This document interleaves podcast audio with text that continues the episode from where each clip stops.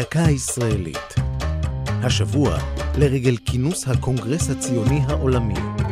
והפעם, התחלות ראשונות.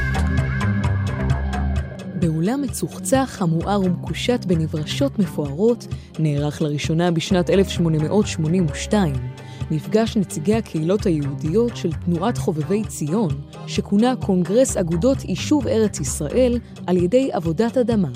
כינוס יהודי זה ברומניה היה ראשון הכינוסים הציוניים.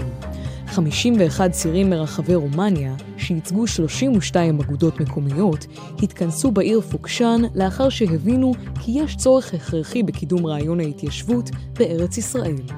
ההכרה בכך גמלה בהם בעקבות ההחמרה בפגיעות האנטישמיות נגד יהודים והתנגדות השלטונות לדרישת מתן זכויות ליהודים.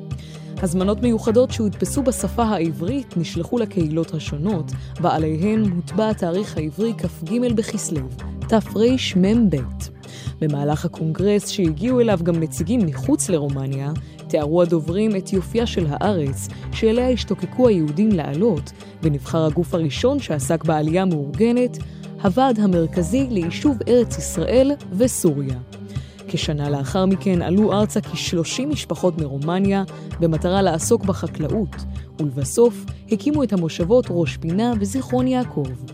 פעילי חובבי ציון התמזגו בהדרגה בארגונים ציוניים אחרים, ולימים נשכח הקונגרס בפוקשן, על אף שהיה למעשה הקונגרס הציוני הראשון.